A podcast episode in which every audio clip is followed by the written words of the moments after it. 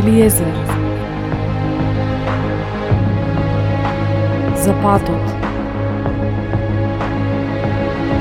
За вистината. За живот.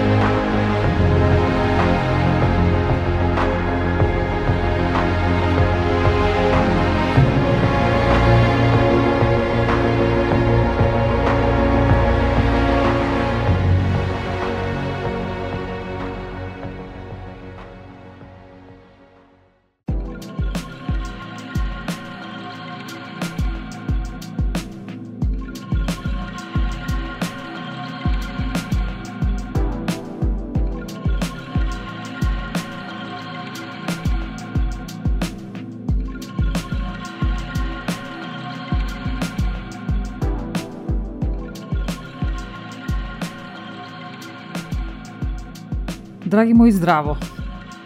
Денес сакам да ви зборувам за тоа да се биде благословен од нашите непријатели. Сите знаеме дека Господ Бог може да не благослови. Тој може да ни ја покаже неговата благонаклоност, да не промовира, да не унапреди, да не излекува, но не знаеме дека во нашиот живот Бог може да ги употреби нашите непријатели и да не благослови преку нив.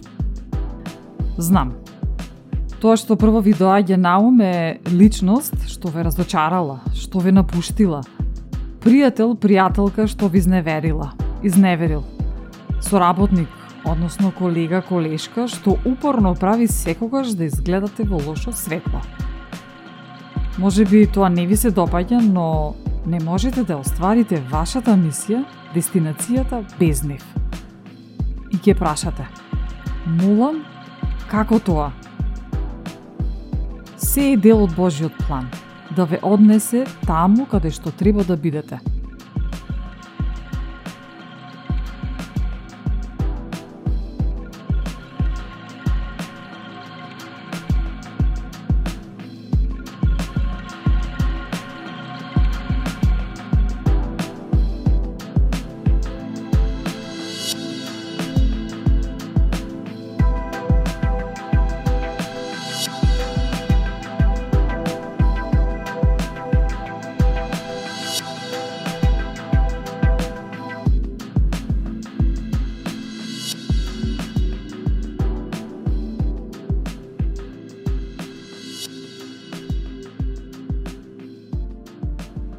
Во Стариот Завет, во Светото Писмо има една случка со овчарот Давид, кој го победи големиот Голијат. Давид ке беше познат само како обичен овчар, доколку не беше Голијат. Голијат беше стратешки поставен на патот на Давид. Не за да го победи, туку да го напреди. Без Голијат, Давид никогаш немаше да биде на тронот. Не се жалете за вашите непријатели може би изгледа на уназадување, но она што всушност е, е подготовка да ве однесе на вашиот трон. Господ Бог, во случката со Давид, можеше да го потреби кралот Саул за да го напреди, но Бог одлучи да го благослови Давид не преку неговиот пријател, туку преку неговите непријатели. Токму заради тоа, не треба да играме според туѓата игра и правила – да се обидуваме да ги убедиме дека сме добри, паметни, совршени, да им се допаднеме, па ете конечно ќе не остават на раат. Не. Бог не мора да ги користи нашите пријатели. Туку може да ги скористи нашите непријатели, нашите критичари, оние кои упорно се обидуваат да не потиснат, да не омаловажат, да не однесат на дното. Да, да, да, токму нив ќе ги искористи за да не однесе на врвот.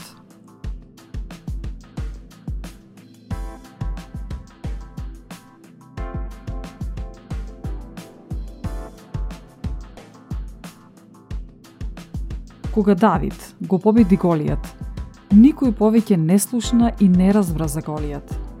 Голијат беше создаден за Давид, за неговата цел. Дел од неговата судбина – беше да го востанови Давид, кој е тој. Исто како што Бог има божествени врски за нас, да не унапреди, да не турне напред, така има и луѓе, случки да не обесхрабрат, да направат да изгледаме и да се почувствуваме непријатно, мизерно. Луѓе како Голијат, луѓе кои ќе не пресретнат на патот и ќе ни го пресечат.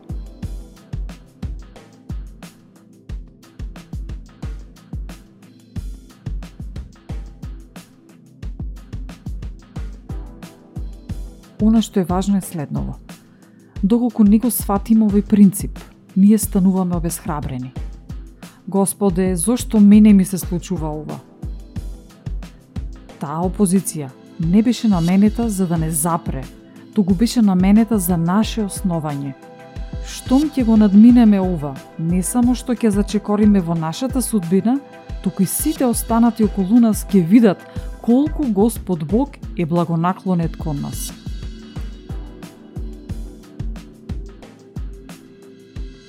Секој од нас има барем по еден пример кога на патот на остварување на одредена желба сме имале пречки. Особено од поединци кои направиле буквално се само да не успееме. Но нашата упорност и неоткажување на крајот вродиле со успех. И покрај се, сме победиле на одреден надпревар, сме го положиле тешкиот испит, тест, сме оздравеле, сме имале вера во Бог дека Тој ќе одредува нашата благосостојба и дека на крај сме дотрчале како посилни и обновени битија со нов светоглед.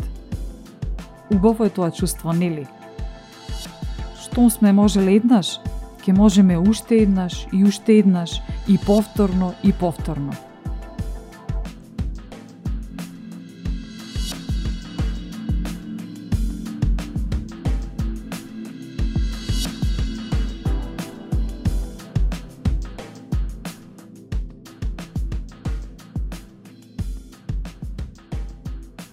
Понекогаш Бог ќе ни стави непријател на патот, за да не придвижи. Намерно ќе им дозволи на неподдржувачите, на оние кои ни стават сомнеш, мразителите, озборувачите, критичарите. Така што, кога се чувствуваме уморни, кога сакаме да се откажеме, е тогаш треба да продолжиме, да туркаме напред, не бидејќи така сакаме или така се чувствуваме, туку заради тоа што не сакаме да го оставиме непријателот да ужива и да се сити на нашиот неуспех и поразеност. Ние сме победници, нели? Тоа не го правиме од гордост, туку од света посветеност.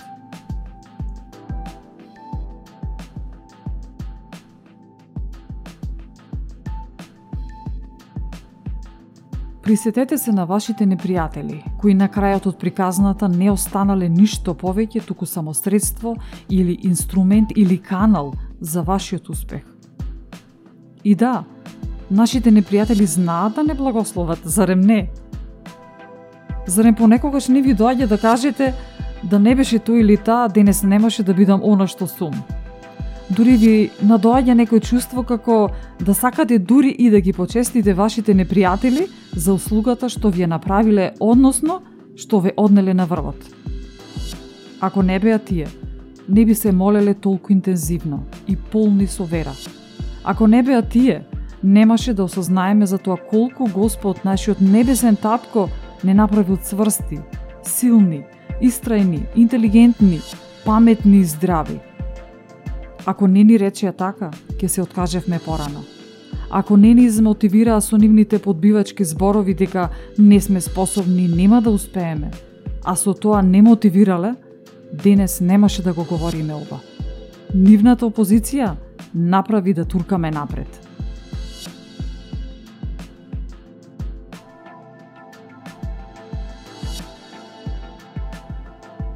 Светото писмо вели – Господ подготвува трпеза пред моите непријатели. Бог, кога не унапредува, тоа го прави јавно, пред нашите непријатели. Нашите дела, нашите успеси ги прави јавно. Ако имате непријател во областа на финансиите, или здравието, или кариерата, меѓучовечките односи и така натаму, знајте дека Господ Бог подготвува трпеза пред вашите непријатели.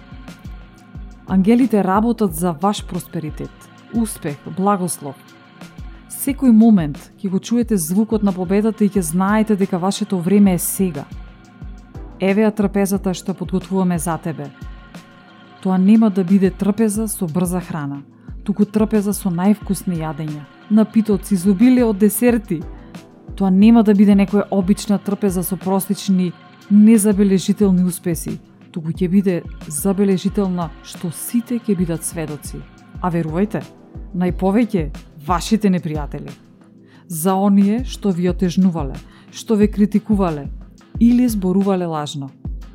Ке ве видат успешни, унапредени, оправдани, благословени, живејќи го вашиот сон со посебна чест на високо место, со големо влијание.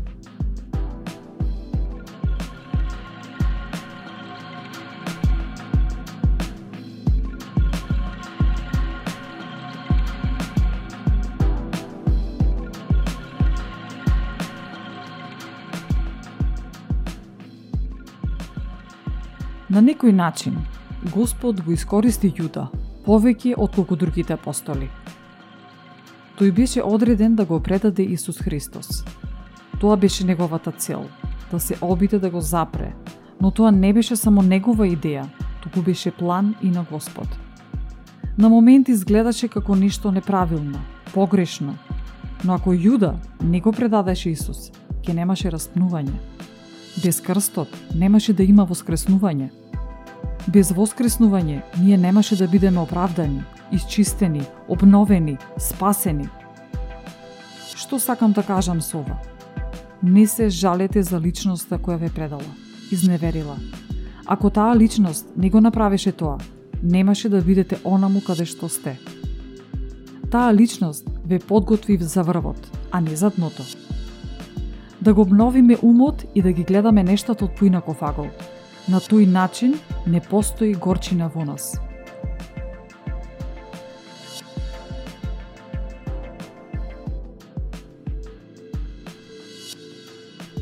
Ако нашите непријатели лажеле за нас, не подцениле, на вистина не било фер. Но Бог го дозволил тоа, знаејќи дека местото не ни е на дното, туку на врвот, и сето тоа го искористил за наше добро. Што ако Исус се вознемиреше и речеше Ама Господе, јас сум Твој син, како можеше да дозволиш вака? Тој е еден од моите апостоли, а да ме предаде? Но, Исус знаеше дека Јуда ќе го предаде и не се обиде да го запре, не се обиде да го преубеди да не го направи тоа. Тој знаеше дека предавството е дел од неговата божествена судбина.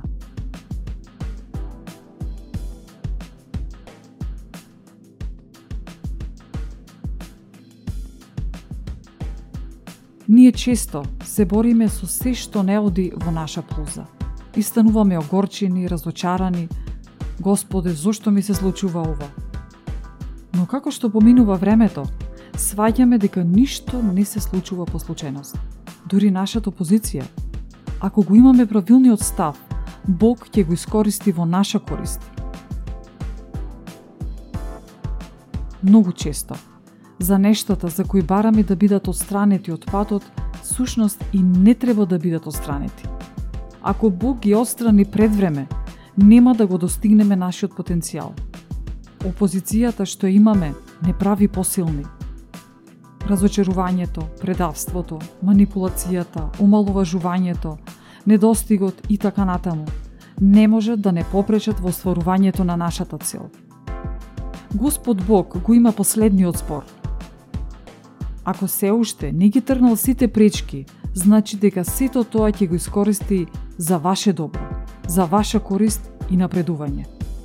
Тој стратешки ги мести личностите како Голијат, како Јуда. Без Голијат не можете да бидете на вашиот трон.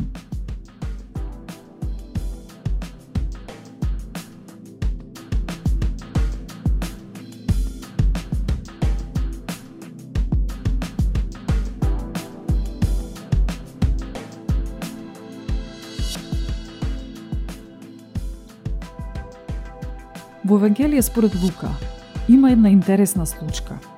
Имено, Еден ден, додека Исус поучуваше, седеа таму фарисеи и законоучители, кои беа дошле од сите села на Галилеја и Јудеја и од Ерусалим. А ту имаше сила Господова да лекува. И ете, некои донесоа на постелден човек, што беше фатен, и сакаа да го отнесат и положат пред него. Па како не најдоа место од каде да го внесат поради народот, се качија на куќата и преку покривот го спуштија со се постелата насреде пред Исуса. А тој, што ми ја виде верата нивна, рече, човеку, ти се простуваат гревовите. Книжниците пак и фарисеите почнаа да размислуваат и да велат, Кој е овој што хули на Бога? Кој може да ги простува гревовите освен единиот Бог? А Исус, кога ги разбра нивните помисли, им одговори и рече Што размислувате во срцата свој? Што е полесно да се каже? Ти се простуваат гревовите или да кажам стани и оди? Но за да знаете дека синот човечки има власт на земјата да ги простува гревовите. Па му рече на фатениот, тебе ти велам, стани, земи си ја постелата и оди си дома. И тој веднаш стана, пред нив и си го зеде она на кое лежеше, па си отиде дома славејќи го Бога. Ужас ги опфати сите и го славеа Бога, па како се исполнија со страв, говореа, чудни работи видовме денес.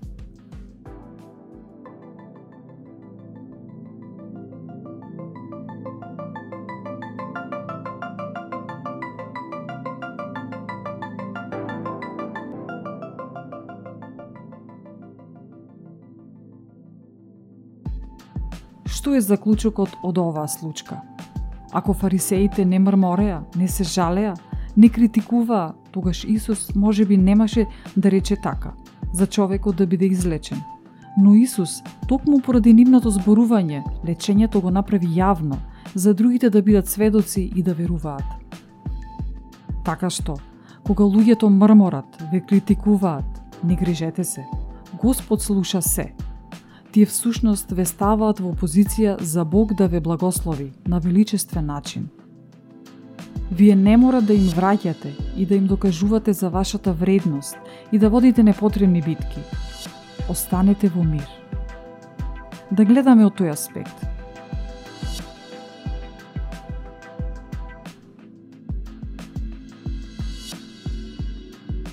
Благодарни сме на нашите пријатели – но и треба да бидеме благодарни и за нашите непријатели исто така. Бук има различни начини за да не промовира и унапреди. Сепак, тој е креаторот и создателот на се. Тој знае што е добро за нас. Тој знае како да го претвори злонамерното во добро, за наше добро. Што значи? Останете верни. Верувајте, Она што е во моментов поразувачко всушност е идно победоносно. Очекувајте ја вашата победа. Очекувајте го вашето совршено здравје. Очекувајте го вашиот напредок во кариерата. Очекувајте го обелоденувањето на вашиот сон. Само верувајте и бидете радосни. Благослов нека има во вашите мисли, во вашите зборови. Имајте нов став, позитивен. Не се жалете. Зборувајте и изјавувајте само она што го сакате и верувајте дека го имате. Се е во ваша полза. Во псалмите пишува Седи од мојата десна страна, додека ги ставам непријателите твои во подножието на нозете твои. И на крајот на кариштата, кој има право да ве критикува кога не ве познава? зрем тој или таа ви вдахнал живот, Господ Бог го направил тоа. Тие не ја одредуваат вашата судбина. Вие сте дете на семоќниот Бог. Светото писмо вели, ако е Бог со мене, кој може да е против мене? Се можам преку Исус Христос кој ми дава сила. Изјавете, јас сум исполнет, исполнета со обновлива сила. Истиот дух што го воскресна Исус Христос живее во мене. Во послание до филипјаните пишува И во ништо не се плашете од противниците. Тоа е знак за нивната погибел, а за вашето спасение. И тоа е од Бога. Кога Исус Христос излезе од гробот и воскресна, ги зеде клучевите од смртта и пеколот и рече Сета моќ ми е дадена мене во рајот и на земјата. Сега, тебе ти ја давам таа моќ. Ти си исполнет, исполнета со семожна моќ. Најмоќната сила во универзумот е на твоја страна.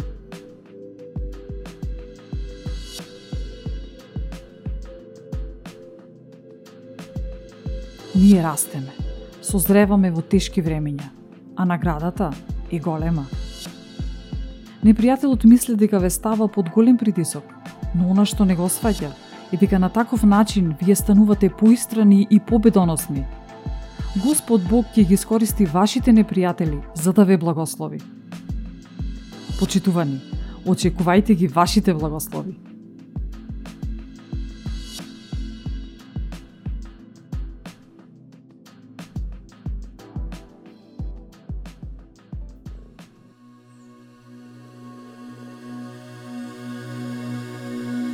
Почитуван слушател, имам прашање за тебе.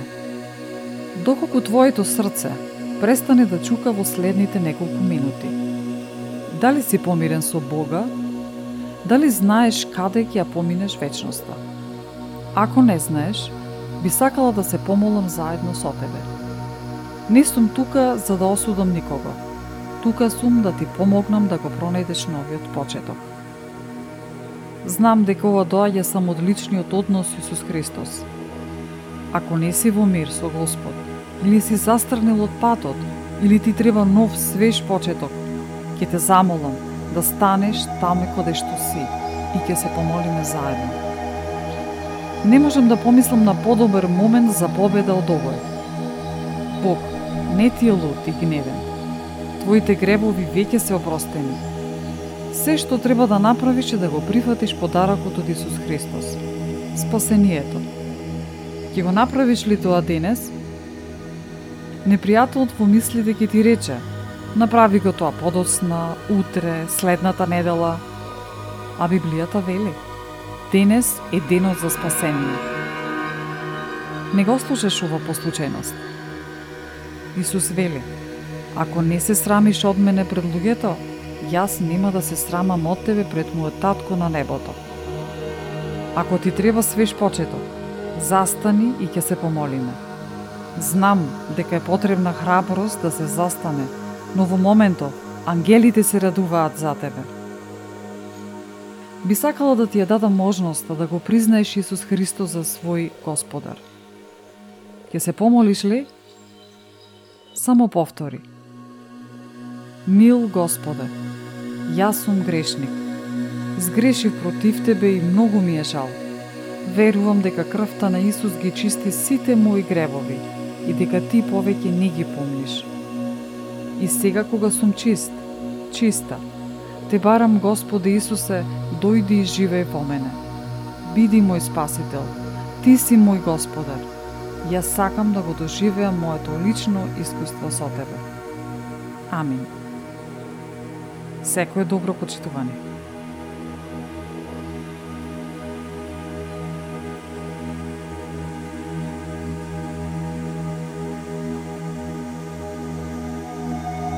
Ја следевте мисијата Елиезер со Елена Георгиевска Костадиновиќ.